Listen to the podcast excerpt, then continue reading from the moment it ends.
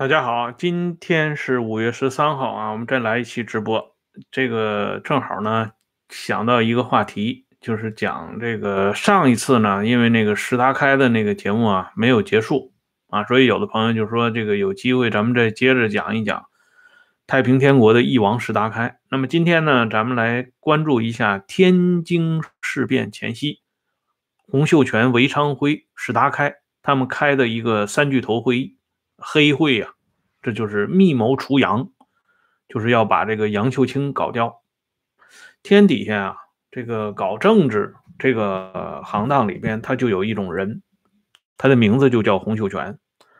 这种人呢，他是属于啊，干正经事儿他不行，但是他捣鬼特别有数啊。你看洪秀全这个人啊，他在整个太平天国建立过程当中，早期搞宣传鼓动工作。那是人家冯云山干的，对吧？后来呢，他和冯云山两个人遭到这个呃追捕和通缉的时候，那是人家杨秀清和萧朝贵扛起了大旗，搞这个天父下凡和天兄下凡，总算呢是挽救了这个革命的形势。后来金田村造反，然后呢一路打到这个南京城下。这一路上也都是人家杨秀清、萧朝贵、冯云山卖的力气。其中呢，像冯云山和萧朝贵，因为卖力呃这个用力过猛啊，连这个命都豁出去了。可是呢，这个洪秀全到了南京城以后呢，哎，他呢就是把这个权力的这套东西玩的非常红火。表面上看，这个人啊，好像是虚君共和啊，高高在上。万事不理，大权呢都掌握在杨秀清手里。可是呢，最终啊，这个权谋人主的九千岁啊，马上就封为万岁的这洪秀呃，这个杨秀清，却稀里糊涂的呢，让人家把脑袋给摘了去了。所以这洪秀全这个人很值得琢磨啊。这里呢有一本啊《洪秀全选集》啊，这小册子。这是扬州师范学院中文系编的啊，我们看一下这个这个黄色的这个小册子啊，这个很有意思啊。这个一八三七年，呃，洪秀全这个时候才多大呀？才二十三岁啊。他一八一四年出生，二十三岁的洪秀全呢，从广州回到他老家花县，因为这个时候呢，秀才也没考上啊，挺憋气的。写了一首诗，这诗一开篇就是“手握乾坤杀伐权”，啊，这个没考上秀才回来就来脾气了啊，要手握乾坤杀伐权。接着呢，啊，这一年，呃，生了一场大病，病好了以后呢，写的第一首诗是“太平天子事事可，天兵天将都辅佐”，啊，就这已经就是啊，太平天子了。到了一八四三年，啊，他这个在这个一个地方啊，随便提了一首诗啊。一八四四年啊，他和这个冯云山到广西桂县和紫金山区啊，宣传他们那套大道理的时候，啊，这哥们呢又提了这么一首诗：“朕在高天做天王，尔等在地为妖怪。”啊，一八四四年啊，这时候他是。刚刚年满三十岁啊，我们知道啊，这个在中国啊，这个古代年间造反，你得是这个真的是反上了金銮殿啊，像哪怕是像李自成似的打进了北京城，你才能啊称孤称朕，那不是随随便便谁都能称朕的。但是人家洪秀全啊，在这个一八五一年造反之前就已经迫不及待的称朕了啊，所以你看他后来啊。他写的封他弟弟这个干王洪仁干的这个诏书里面写的这个话啊，敬爷敬哥种无空，老父大哥赐光荣，得到天堂享野福，福子福孙福无穷啊！所以封这个洪仁干为干王福千岁。就说这个人的这些东西啊，我们看这个洪秀全选集。这里边记录的洪秀全的这些诗啊，这些讲话，呃，这些语录，你会觉得这完全是一个荤话满篇啊，简直是一个就可以说是一个神经不是特别正常的人，可是就这么一个人啊，在南中国统治了十四年之久啊，去当时中国的这个被他席卷了十八个省啊，而且呢，他的这场领导的这场所谓的革命运动一直波及了将近十八年之久，并且呢，他的徒子徒孙。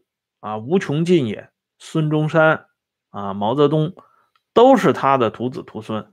到今天，这个南京大学啊，这个南京大学有两个最过硬的学科，一个就是太平天国史，一个是民国史。就说到今天，在南京大学研究太平天国史，那还是正能量啊。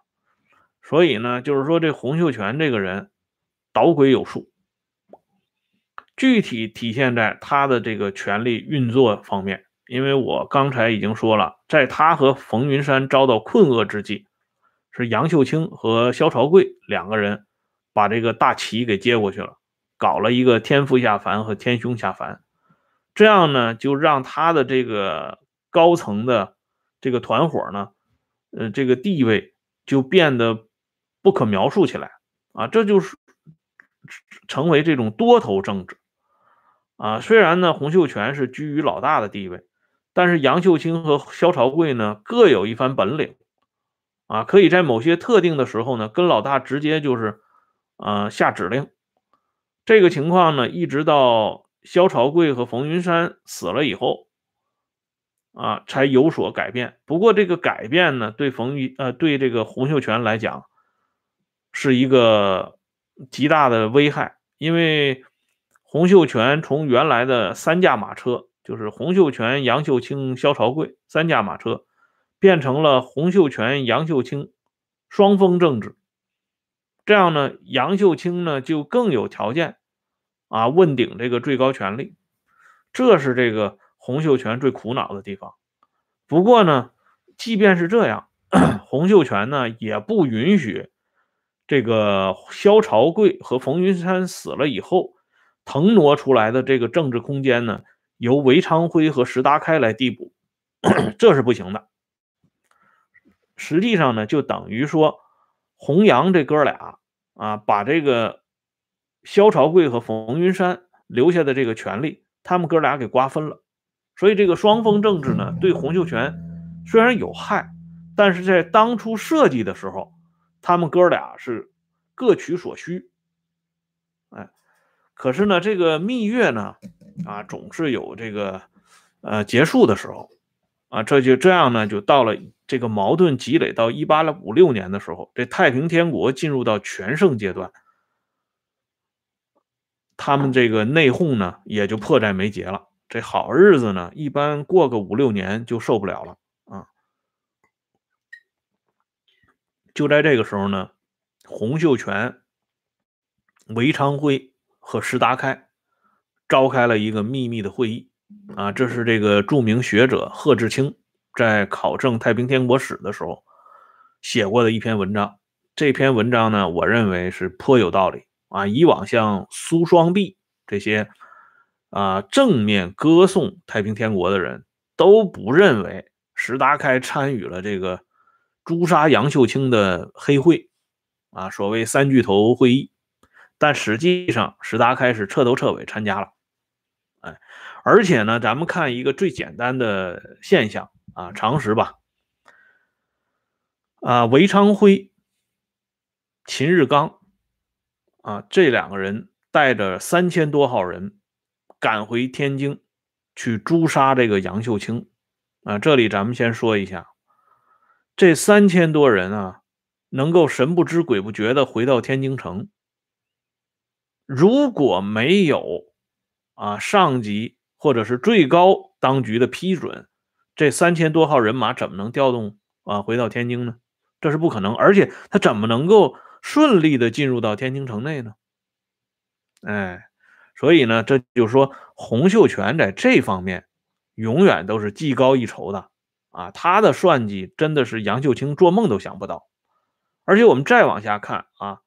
杨秀清当时和他的部下最后被杀的人数统计大概是在两万人左右。那么这么一大批啊，广西出来的老兄弟、骨干力量，怎么能轻易的就被韦昌辉这三千多人给杀杀光了呢？这不可能啊，对不对？哎，从力量上对比，它也有一个悬殊的区别，不是？可见呢，在整个啊诛杀杨秀清的过程当中，洪秀全手中始终掌握着一支非常可观的兵力。哎，而且呢，洪秀全始终啊在这个诛杀杨秀清和稍后诛杀韦昌辉的这个过程里边，掌握局面的全部主动权。啊，你看他他在收拾杨秀清的时候，他用韦昌辉；可是他收拾韦昌辉的时候呢，他手中有秦日刚和陈成荣这些人。那反过来啊，最后呢，他收拾石达开的时候，他身边又有一波子人啊，最后逼石达开不得不离开这个天津城。所以洪秀全在整个的这个啊密谋除掉杨秀清和韦昌辉这个过程当中。他是真正的啊主谋者，而且他这盘棋下的非常之大啊，真正属于走一步看三步啊。你看他杀掉杨秀清呢，啊，他本来这个会议当时啊，这三个人是各怀心腹事，洪秀全的这盘大棋，韦昌辉也好，石达开也罢，谁也想不想不到的。韦昌辉当时的如意算盘，或者说。洪秀全给韦昌辉开出的这个支票，当然是空头支票啊，是许诺韦昌辉接替杨秀清，掌握这个权利，啊，由这个后护右副军师可以晋升到左辅正军师这个位置上来。石达开呢，嗯。他的想法呢，就是石达开是属于比较啊，这个人为什么最后能够兵败大渡河，越走这个路越窄小，就是跟他这个脑子里边啊，这个良心未泯有直接关系。这个人呢，还是那套啊，古代的那套《三国演义》啊，桃园三结义的概念，就是我们哥仨啊，刘关张三个人，洪伟石三个人绑在一块儿，好好干。啊，杨秀清捣乱的，咱给他清除出去，然后我们哥仨呃拧成一股绳，把咱们这个太平天国建设的啊红红火火的，完全没问题。他还是这种想法，这就是咱们所说的改良。人洪秀全根本就没这么想啊，在洪秀全眼里，你韦昌辉也好，史达开也好，跟杨秀清没啥区别，那早晚都是我的盘中餐呐，早晚是干掉的。哎，只不过呢，他的这个大獠牙，他是一点一点露出来的，啊，在当时呢是满面笑容，满脸春风，哎，所以这第一个掉坑里的就是韦昌辉，辛辛苦苦的帮着这个二哥啊洪秀全除掉了这个杨秀清，把这四哥给杀了啊，跟着二哥跑，可是呢，二哥不打算兑现了，所以呢，这个时候我们就看到啊。啊，什么这个激起了天津城内军民的共愤啊？什么这个韦昌辉的倒行逆施啊，引起了什么种种的反弹？这都是啊扯淡的话。因为这个政变讲究的就是力量、实力。你手中没有枪杆子，没有刀把子，你即便是站在正义的一边，有啥用呢？你像这个谭嗣同他们，何尝不是站在正义的一边呢？但有用吗？老太太一回宫。他们就去菜市口了，对吧？就到菜市口就报道去了，没用的。有心杀贼，无力回天，这个现实就是这么骨感。所以人家洪秀全呢，早早的就布了局了。等到韦昌辉这边呢，准备对石达开啊这个动手的时候，洪秀全其实是非常清楚的。如果洪秀全想制止，啊，韦昌辉对这个石达开动手，那他早就表态了。可是呢，洪秀全就想让石达开，呃，就是想让韦昌辉彻底的暴露，就是想让石达开在这场这个争斗当中呢，啊，深陷其中不能自拔。你身上还不够脏，你要彻彻底的啊掉到这个坑里，变得啊特别的脏以后，你才能死心塌地的跟我上一辆战车。因此呢，这洪秀全就睁一眼闭一眼的看这个韦昌辉去杀这个石达开，所幸呢石达开跑了，所以后边就一直有人说石达开能够啊从城头上爬下来。啊，带着他身边的张税谋啊、曾锦谦这几个少数的人，跑回他的这个驻防营地，还是洪秀全事先给通了这个消息的。这说法啊，我觉得啊还是比较靠谱的啊。洪秀全干这种事一点都不奇怪。这样呢，韦昌辉就等于同时得罪了两个人，一个是在天津城里的洪秀全，一个是在天津城外的石达开。石达开回到房地以后，公开打出旗号啊，为这个杨秀清平反，诛杀这个韦昌辉。实际上呢，石达开这个时候呢，也抄袭了一部分这洪秀全的作业啊，就是呃借刀杀人了啊。这样呢，洪秀全知道啊，如果是让石达开啊领着兵进天津城，把韦昌辉给搞掉，那么他当初。下的这盘棋的全部胜利果实，恐怕都得让这个石达开给摘了这个摘了这个桃子。所以洪秀全抢先动手，把这韦昌辉先给搞掉了。这样呢，搞掉韦昌辉最大的好处有两点：一个呢，自然是拔掉了眼中钉，因为韦昌辉已经开始跋扈啊不沉了啊；再一个呢，他可以把之前的密谋。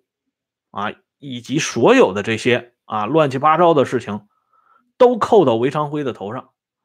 韦昌辉呢，反党乱军啊，篡党夺权啊，十恶不赦啊，人神共愤啊，狗志不如。总之呢，最坏的字眼都让这个啊北王一个人扛了。而这样呢，洪秀全和石达开就完全从这个当年的这个黑会。这个三巨头会议里边抽身出来了，他们都是干净的啊，用这个石达开的啊，用韦昌辉的这个肥皂呢，把他们哥俩全洗干净了啊，所以这这步棋是洪秀全下的第二步狠棋啊，把北王也给搞死了。所以当时这天津城那人呢，因为那个时候没有办法留下这些太多的文字嗯资料，而且呢也没有视频传世。但是咱们现在推想一下，估计当时天津这个上层，这个太平天国上层这些人估计已经就是完全眩晕了啊，魔幻了，就是啊，哪有这个啊？这才刚几天呢，东王刚死，这北王也给干死了啊！这东王本来这死就已经够震撼的，因为他是天父代言人呢啊，之前那个装神弄鬼的又下凡又干嘛的。这人忽悠一下就没了，这就已经很吓人了。接着呢，这个讨逆军总指挥北王六千岁也挂了，而且挂的还特别这个庄重，直接就是游街给杀掉的。啊，这样呢，洪秀全呢，啊，把这个天津城内的事情处理完了以后啊，大开城门欢迎达包回京主持工作。石达开这个时候威望是最高的。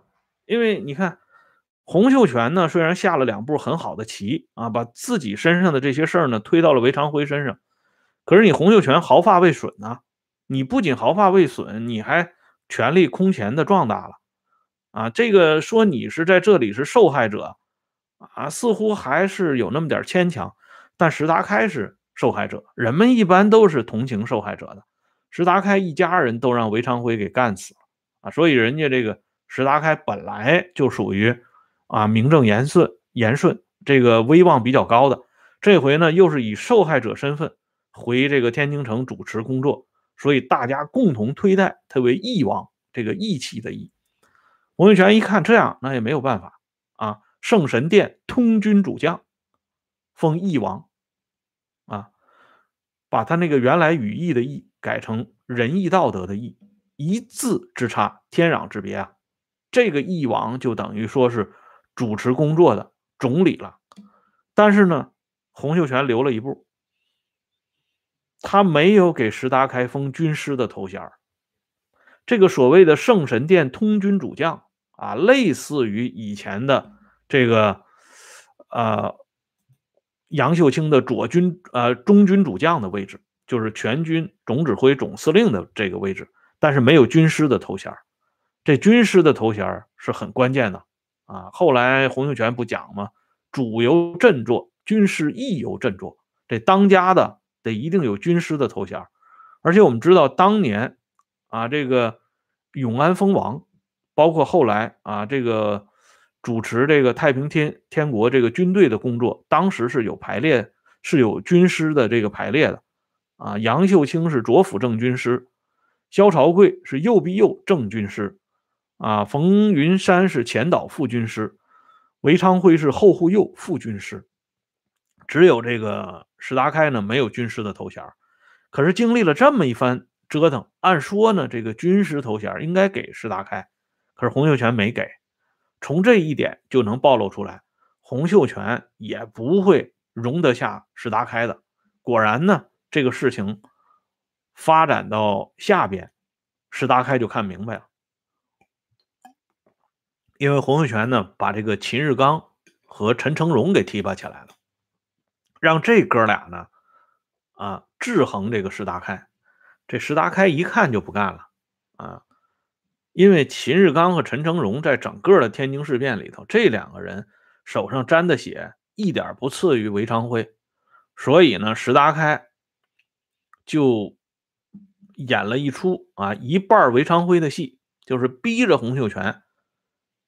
兑现当年三巨头会议的一部分承诺啊！这哥俩就是秦日刚、陈成荣这哥俩，他们凭什么端着碗上桌呢？跟他们有毛关系呢？拿下！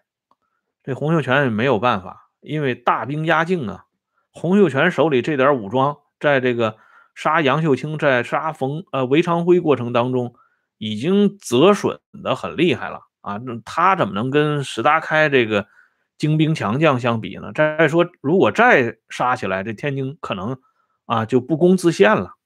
所以呢，洪秀全低下头啊，没问题。秦日刚、陈成荣搞掉，反正这哥俩知道的也挺多的啊，也不宜留在身边。但是洪秀全就此认定，当初啊他的这个整个这个棋局的谋划非常正确。为什么呢？一个都不能留。你看这石达开，这老疙瘩啊。最小的那老兄弟里边，当年这几个王里边，他居然啊也想学这个韦昌辉和杨秀清了，所以这绝对不能留。因此最后才有这个石达开被迫离京。哎，石达开离京以后，咱们看啊，这个当年有这个太平天国的这个研究者就能看到，啊，这石达开的这个排名啊。是逐渐的这个下沉，啊，呃，越来越排名往后，所以，呃，所谓的啊，这个什么洪秀全送给石达开金牌，撤换他的哥哥啊洪仁达、洪仁发，啊，继续想委任石达开回京主持工作，这些都是假的，啊，那都是洪秀全玩的这个诱敌深入啊，引蛇出洞的这个老戏路，石达开是不可能啊，这个。回去的也不可能上这个当，而这样呢，洪秀全呢，他在这方面呢，就等于说，嗯，至少他完成了一大部分当年的计划，因为当年的这个三巨头会议的核心一点就是把这个异姓王大家共同顶起的这个所谓的爷哥镇右。珠江山就变成他们的洪家老店啊，别人不准染指啊。如果说这个像林彪，实际上韦昌辉最像林彪啊。这个韦昌辉实际上是最惨的啊，他呢，呃，可以说是什么也没捞到啊，帮人家忙活来忙活去啊，他最后的这个结局是，嗯，可以说是这哥几个最最。最不划算的，因为这个杨秀清后来被洪秀全给平反了，啊，把这个罪责呢都推到韦昌辉身上。人家石达开呢，至少名义上还是太平天国的这个常委之一。那即便是这个后来兵败大大渡河，况且石达开是得到了这个历史的宽容和谅解，并且呢，咱们说直到今天，大家读史说到石达开，还都是抱有同情的这个态度的。可是韦昌辉，你说有多少人同情他呢？肯定没戏了。所以他约略呢，有点像林彪啊。因为什么呢？还有一点就是在这个广西这个石达这个韦昌辉的老家，韦昌辉的弟弟后来我们知道啊，这个韦俊就是韦志俊，后来投降了曾国藩。这个韦家呢，除了在天津城被杀害的那些人以外，剩下的那些人马还都幸存下来。所以那些人呢，这个这个上百年以来啊，这个众口相传的都是他祖宗韦昌辉。多么这个散尽家财支持革命啊！多么冤枉被这个红贼秀全所陷害啊！葬身异域等等这些地，这些哎，有点像这个林彪的这个后人和这个四大金刚的后代给林彪和四大金刚啊喊冤叫屈。所以我说韦昌辉确实有点像林彪啊。所以这样看下来呢，这个整个天津事变最大的这个收获者就是洪秀全。不过呢，咱们说这个事情呢，就是双刃剑。洪秀全固然收获了一个最大的这个胜利的果实，但他同时呢，也抽掉了太平天国啊稳固的梯子和基石。这太平天国自从这个天津事变之后，一蹶不振啊。尽管后边还维持了啊呃七八年之久，但实际上已经是苟延残喘了啊。而且呢，在后边的岁月里边，洪秀全不断的玩弄这种啊手法，所以还是鲁迅当年说的那句话啊：“捣鬼有术也有效，然而有限。”啊，古来以尺成大呃以尺成以此成大事者，古来无有。啊，所以靠捣鬼起家的这些人，或许啊把这个江山能搞得一时的很绚烂、很吓人。但是最终还是逃不掉灰飞烟灭的啊那一刹那，这洪秀全呢就已经给我们啊这个做了一个很好的例子。好了，这个今天呢关于这个话题呢，咱们就先说到这里，谢谢朋友们上来收看，我们下次接着聊，再见。